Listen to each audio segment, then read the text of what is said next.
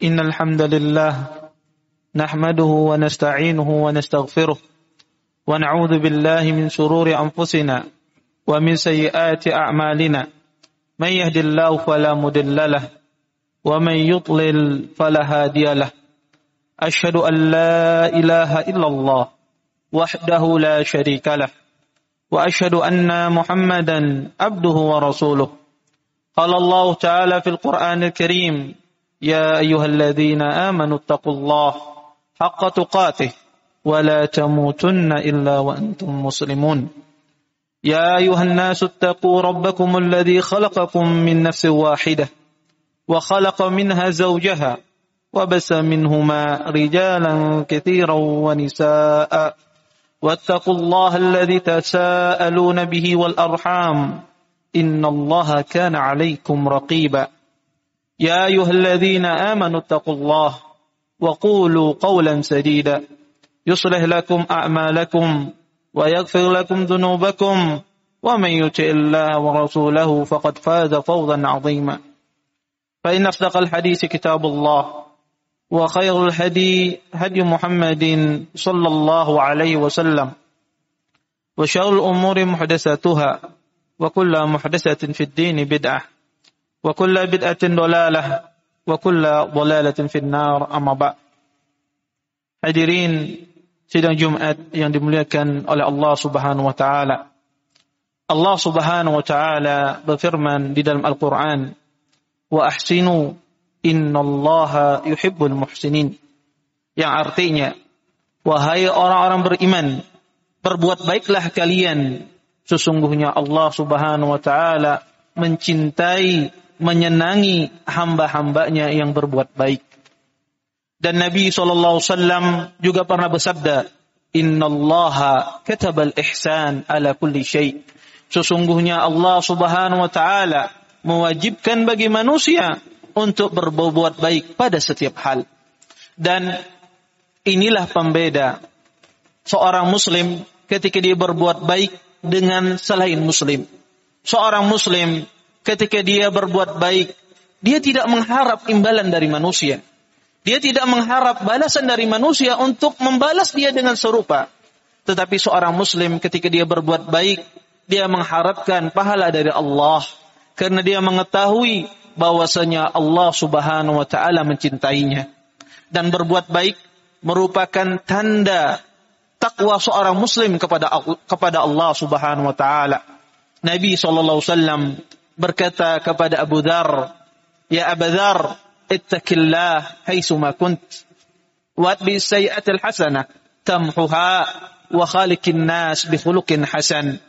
Kata Nabi sallallahu alaihi wasallam, bertakwalah engkau di mana saja engkau berada dan iringilah perbuatan jelek tersebut dengan perbuatan baik niscaya perbuatan baik tersebut akan menghapus perbuatan-perbuatan jelek dan pergaulilah manusia, bergaulah engkau dengan manusia bikhulukin hasan dengan akhlak yang baik.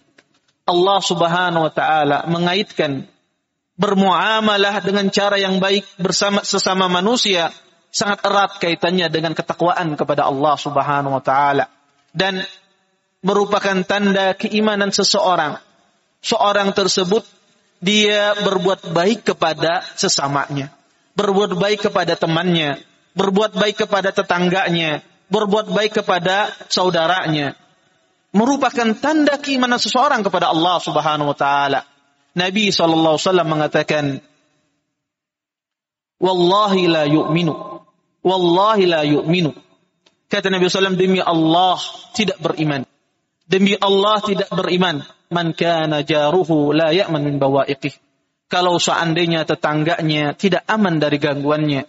Di dalam riwayat lain Nabi bersabda kata Nabi sallallahu alaihi wasallam, "Man kana yu'minu billahi wal yawmil akhir" Barang siapa yang beriman kepada Allah dan hari akhir, maka muliakanlah, maka janganlah dia mengganggu tetangganya.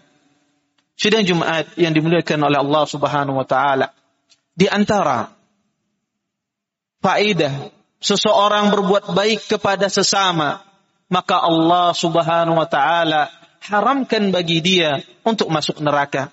Nabi SAW pernah bersabda dari Abdullah bin Mas'udin radhiyallahu anhu beliau berkata, "Sami'tu Rasulullah sallallahu alaihi wasallam yaqul, ala ukhbirukum biman yahrumu alaihi nar." Maukah kalian aku beritakan sekelompok manusia, orang-orang yang diharamkan untuk disentuh oleh api neraka. Kemudian Nabi pun mengatakan, ala kulli ala kulli qaribin hayyinin layyinin sahal. Kata Nabi SAW, orang-orang yang diharamkan dari api neraka adalah orang yang dekat dengan temannya, mudah bergaul dengan orang lain, orang yang tenang, tidak suka gegabah, tidak pemarah, dan orang yang berlemah lembut sesamanya dan juga orang yang suka memudahkan urusan manusia. Mereka lah orang yang diharamkan oleh Allah Subhanahu wa taala neraka menyentuhnya. Kalau kita melihat berbuat baik kepada sesama ini sangat banyak bentuknya. Di antara bentuk kita berbuat baik kepada sesama kita adalah seorang muslim bertutur kata yang lembut bertutur kata yang baik kepada saudaranya, berlemah lembut kepada saudaranya di dalam bersikap. Karena seorang mukmin, seorang muslim, jika dia diberikan sifat arif, sifat lembut terhadap saudaranya, maka sungguh orang tersebut diberikan kebaikan yang banyak oleh Allah Subhanahu wa taala. Kata Nabi sallallahu alaihi wasallam dari hadis Aisyah radhiyallahu anha, ala ukhbirukum kata Nabi sallam faman yuhramur rif fayuhramul khair barang siapa yang diharamkan yang dijauhkan dari sikap berbuat baik bersikap lemah lembut kepada saudaranya maka orang tersebut dijauhkan dari kebaikan mafhum dari hadis ini orang yang berbuat baik orang yang berlemah lembut bersikap lemah lembut terhadap saudaranya maka orang tersebut diinginkan kebaikan oleh Allah Subhanahu wa taala. Dan sikap lemah kelembutan tersebut merupakan perhiasan bagi seorang muslim, bagi seorang mukmin yang beriman kepada Allah Subhanahu wa taala.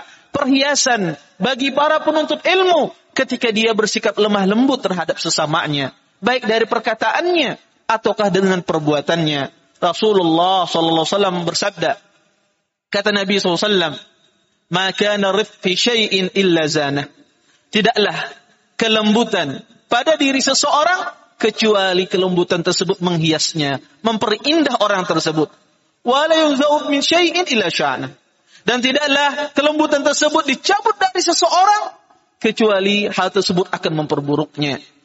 Dan seseorang yang berlemah lembut, bersikap berlemah lembut, tidak hanya kita saja yang diperintahkan, Bahkan Allah Subhanahu wa taala memerintahkan kepada nabinya, manusia yang paling utama di muka bumi ini, untuk berlemah lembut kepada sahabatnya. Allah Subhanahu wa taala memerintahkan nabinya untuk berlemah lembut kepada generasi yang terbaik di muka bumi ini, generasi sahabat. Generasi yang Allah ridhai, generasi yang Allah cintai, generasi yang terbaik di muka bumi ini. Kata Allah, walau kunta fadlan ghalidhal qalbi lan faddu min hawlik. Wahai Rasulullah, jika engkau berbuat kasar, berkata kasar, tidak berlemah lembut terhadap sahabat-sahabatmu, maka niscaya mereka akan bubar, mereka niscaya mereka akan meninggalkanmu. Bayangkan, Rasulullah SAW, orang yang terbaik di muka bumi, diperintahkan oleh Allah untuk berlemah lembut kepada sebuah generasi generasi yang luar biasa kesetiaannya ketaatannya kepada Allah. Kesetiaannya ketaatannya kepada Rasulullah sallallahu wasallam. Walaupun demikian Allah Subhanahu wa taala memerintahkan rasulnya untuk berlemah lembut kepada sahabatnya. Tidak hanya itu bahkan manusia yang paling durhaka di muka bumi ini Fir'aun yang mengatakan ana rabbukumul a'la. Sesungguhnya aku adalah Tuhanmu yang paling tinggi. Allah perintahkan Nabi Musa dan Nabi Harun untuk berlemah lembut kepada Fir'aun. Kata Allah, faqula lahu qawlan layyina. Katakanlah, wahai Musa dan Harun, kepada Fir'aun perkataan yang lemah lembut. Karena manusia membutuhkan dengan kelembutan. Baik dia sebagai seorang santri, dia membutuhkan kelembutan kepada ustadznya. Baik dia sebagai seorang ustadz, maka dia membutuhkan kelembutan kepada orang yang bermuamalah dengannya Baik dia sebagai seorang ustadz, dia membutuhkan kelembutan ketika santri berbicara, bertingkah laku di hadapannya. Baik dia sebagai seorang pegawai, dia membutuhkan kelembutan kepada atasannya. Baik dia sebagai seorang mudir atau sebagai seorang atasan, dia membutuhkan kelembutan dari bawahannya. Maka setiap manusia membutuhkan kelembutan. Makanya Allah subhanahu wa ta'ala memerintahkan manusia untuk bersikap lemah lembut terhadap sesamanya. Di antara bentuk sikap berbuat baik kepada manusia. Yang kedua adalah seorang muslim menepati janjinya.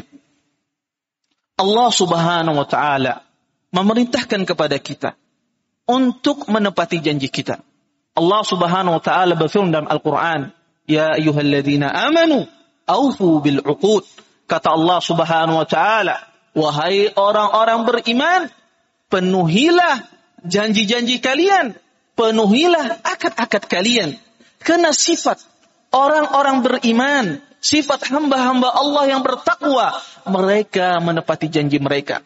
Ketika mereka berkata, mereka tepati perkataan mereka. Ketika mereka bersyarat, mereka tepati syarat mereka.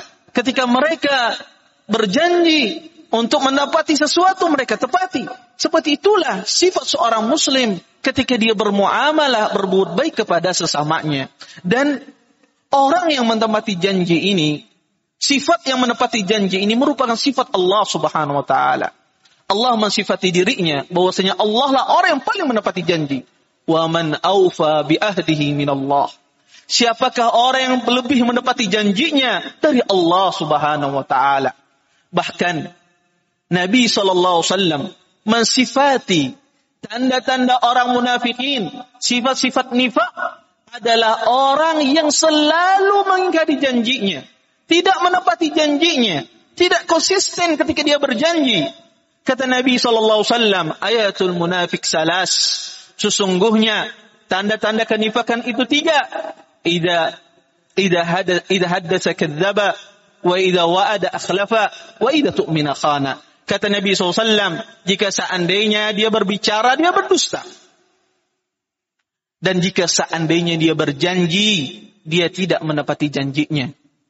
Dan jika dia diberi amanah, maka dia hianat. Nabi SAW menjadikan orang-orang yang suka mengingkari janjinya, orang-orang yang tidak suka mengingkari syaratnya, maka Nabi golongkan itu adalah pertanda sifat-sifat daripada kenifakan. Bahkan salah satu orang yang sangat diadab keras di hari kiamat kelak, orang yang tidak disucikan oleh Allah, tidak diajak bicara Allah dan bagi mereka adab yang sangat pedih di antaranya adalah orang yang tidak menepati janjinya. Kata Nabi SAW, Salasatun la yukallimuhumullah yawmal qiyamah wa la yuzakkihim wa lahum azabun alim. Kata Nabi SAW, tiga golongan. Nanti di hari kiamat kelak, tidak Allah azab mereka berbicara. Tidak Allah sucikan. Dan bagi mereka adab yang sangat pedih. Kemudian Nabi menyebutkan salah satunya rajulun yubaya'a imaman la yubayi'uhu illa lid dunya. Fa in a'tahu ma yurid awfa wa illam yu'ti lam yufi. Kata Nabi SAW di antara mereka ini di antara tiga orang ini adalah seseorang yang membaiat kepada seorang imam berbaiat kepada seorang presiden berbaiat kepada seorang pemimpin. Kemudian dia tidak membaiatnya tidak berjanji kepadanya kecuali tujuan dunia ketika tujuan dunianya tercapai apa yang dia inginkan dari tujuan dunia, maka dia pun menepati janjinya. Tapi jika seandainya tidak sesuai dengan keinginan, keinginannya, maka dia tidak menepati janjinya. Orang semacam ini kata Nabi Sallam, orang yang keras siksanya di hari kiamat kelak, tidak diajak bicara oleh Allah. Allah tidak sucikan mereka dan bagi mereka adab yang sangat pedih. Sidang Jumat yang dimuliakan oleh Allah Subhanahu wa taala. Tidaklah seorang muslim dia menepati janjinya, memenuhi hak-haknya, kecuali Allah Subhanahu wa taala akan menjaga seorang muslim tersebut, dijaga oleh Allah Subhanahu wa taala. Allah jaga hartanya, Allah jaga, Allah lindungi dia. Disebutkan di dalam sebuah hadis ada dua orang dari Bani Israel. Dua orang, salah satu orang ini pun berhutang kepada temannya seribu dinar. Kemudian kata temannya, "Iktini syahidan." Hendaklah engkau membawa saksi bahwasanya engkau telah berhutang kepadaku seribu dinar. Kemudian kata orang ini, "Wa kafa billahi syahida." Sesungguh cukuplah saksiku hanyalah Allah. Kemudian kata orang ini, "Iktini wa iktini kafilan." Kalau begitu, bawakan kepada aku sebagai penjamin utangmu. Kalau seandainya engkau tidak bayar, dia yang akan membayarkannya. Kemudian orang ini pun mengatakan, wa kafa billahi wakil, wa kafa billahi kafila. Cukuplah Allah sebagai penjaminku. Kemudian orang itu pun mengasih uangnya seribu dinar. Dan dia berjanji akan bayar pada hari fulan, tanggal fulan. Dan subhanallah, orang tersebut tempatnya sangat jauh, dipisahkan dengan lautan. Ketika sampai waktu pelunasan, dia tidak bisa melunasi utang. Dia tidak bisa pergi ke tempat orang tersebut. Karena tidak ada kapal yang mengantarkannya. Dia tunggu dari pagi. Dia cari-cari kapal untuk mengantarkan dia kepada temannya tersebut untuk melunasi utangnya. Dia tidak mendapatkan kapal tersebut. Sehingga pun dia melihat sebuah kayu. Dia ambil kayu tersebut. Kemudian dia masukkan uangnya di dalam kayu tersebut seribu dinar. Kemudian dia berkata, Ya Rabb, innaka ta'lam Tasallabtu bi fulan alfa dinar. Wahai Tuhanku, sesungguhnya engkau tahu, aku pernah berutang pada si fulan seribu dinar. Dan fasa'alani syahidan. Dan dia memintaku untuk mendatangkan saksi. Dan aku mengatakan engkaulah saksinya. Dan dia pun ridha terhadap perkataanku tersebut. Dan dia meminta kepadaku, Ya Rabb, sa'alani kafilan. Fakultu kafa billahi kafila.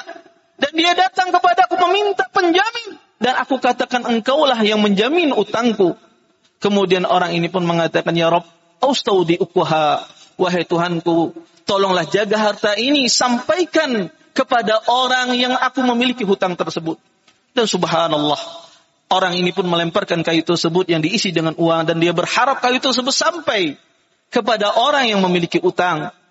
Dan orang yang memiliki hutang tersebut pun menunggu di, di tepi lautan. Dia menunggu melihat kapal, adakah kapal yang berlayar ataukah tidak. Sampai menjelang sore hari, dia tidak mendapati siapa pun yang datang berlayar. Kecuali dia melihat sebuah kayu yang terombang di tepi lautan. Kemudian orang ini pun mengambilnya untuk bahan bakar istrinya. Ketika sampai di rumahnya, istrinya pun membelah kayu tersebut, dia mendapatkan uang seribu dinar. Subhanallah. Tidak berapa lama orang tersebut pun gelisah. Dia merasa utangnya tidak sampai. Akhirnya pun dia berusaha mengumpulkan uang kembali dan membayar utangnya. Dia pun menaiki kapal dan datang kepada si Fulan. Wahai Fulan, sesungguhnya dulu aku pernah berhutang kepadamu. Dan untuk membayar pada tanggal sekian. Tetapi pada saat itu aku tidak mendapatkan perahu untuk sampai ke tempatmu. Dan sekarang Alhamdulillah aku mendapatkan sebuah kapal yang bisa mengantarkanku ke tempatmu. Ini adalah utangku. Kata orang yang tidak. Sesungguhnya uang yang kau kirimkan pada waktu itu telah sampai kepadaku. Kata orang insarif dan baliklah engkau bawalah hartamu. Subhanallah. Ini salah satu bentuk Allah Subhanahu wa taala menjaga harta seorang muslim ketika dia menunaikan memenuhi janjinya ketika dia memenuhi hak-haknya, maka Allah Subhanahu wa taala jaga hartanya. Aku qauli hadza wa astaghfirullah li wa lakum wa lisairil muslimin min kulli dzamb fastaghfiruh innahu huwal ghafurur rahim.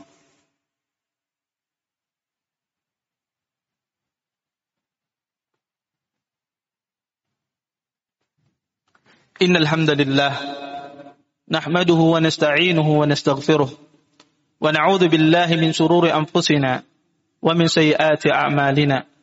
من يهد الله فلا مضل له ومن يضلل فلا هادي له. أشهد أن لا إله إلا الله وحده لا شريك له وأشهد أن محمدا عبده ورسوله. Hadirin sidang Jumat yang dimuliakan oleh Allah Subhanahu wa taala. Orang yang paling berhak kita bermuamalah baik dengannya. Orang yang paling pantas kita bersikap baik dengannya, baik perkataan kita ataupun perbuatan kita adalah orang tua kita. Nabi SAW pernah ditanya, Ya Rasulullah, Man ahaqqun nas bihisni sahabati. Wahai Rasulullah, siapakah manusia yang paling berhak aku berbuat baik kepadanya? Kata Nabi SAW, ummuka, ibumu. Qultu summa Terus siapa lagi wahai Rasulullah? Qala ummuka, ibumu. Qultu summa Kemudian siapa lagi wahai Rasulullah? Qala ummuka, ibumu. Sampai tiga kali. Qultu summa Kemudian siapa lagi wahai Rasulullah? Abuk, yaitu bapakmu. Maka orang yang paling berhak kita berbuat baik, berlemah lembut, kita penuhi janji-janji kita, kita penuhi syarat kita adalah orang tua kita. Dan tidak ada amal yang paling dicintai oleh Allah Subhanahu wa taala ketika seseorang berbuat baik kepada orang kedua orang tuanya. Sebagai penutup dari khutbah ini disebutkan sahabat yang mulia Abdullah bin Abbas didatangi oleh seseorang. Orang ini mengatakan, "Ya Ibn Abbas, Inni qataltu fulana. Wahai Ibn Abbas, sesungguhnya aku telah membunuh seorang fulana. Ini khatabtu mra'atan. Aku ini pernah mengkhidbah melamar seorang wanita. Fa'abat an tankihani. Maka wanita ini pun enggan untuk menikah denganku. Fakhatabaha ghairi. Dan ternyata wanita ini dilamar oleh orang lain. Kemudian wanita ini pun menikahi laki-laki tersebut. Faghirtu alaiha.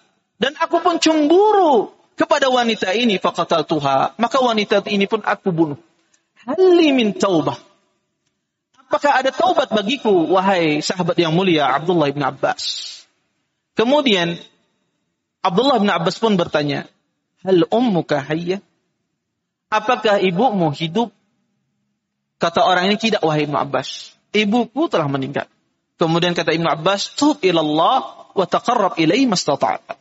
Bertaubatlah engkau kepada Allah dan dekatkanlah dirimu kepada Allah dengan amal kesolehan semampumu.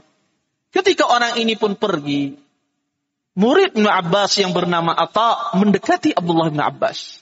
Kata murid beliau, Ya Ibn Abbas, orang ini bertanya, adakah baginya taubat untuknya karena dia telah membunuh seorang wanita?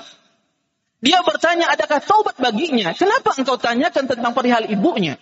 Apa hubungannya antara taubat membunuh seseorang dengan ibunya? Apa yang dikatakan oleh Ibn Abbas?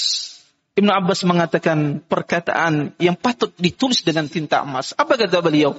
Inilah a'lamu amalan. Akrabu ilallah min birri walidah.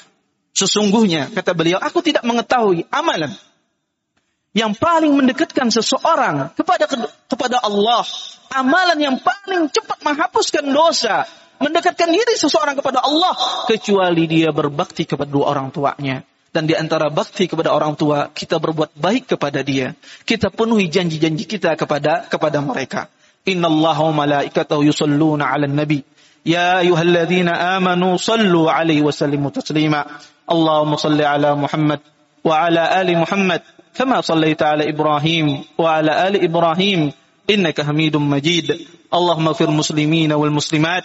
والمؤمنين والمؤمنات الأحيا منهم والأموات إنك سميع قريب مجيب الدعوات ربنا ظلمنا أنفسنا وإن لم تغفر لنا وترحمنا لنكونن من الخاسرين ربنا لا تضيق قلوبنا بعد إذ هديتنا وهب لنا من لدنك رحمة إنك أنت الوهاب ربنا آتنا في الدنيا حسنة وفي الآخرة حسنة وقنا عذاب النار. أقم الصلاة.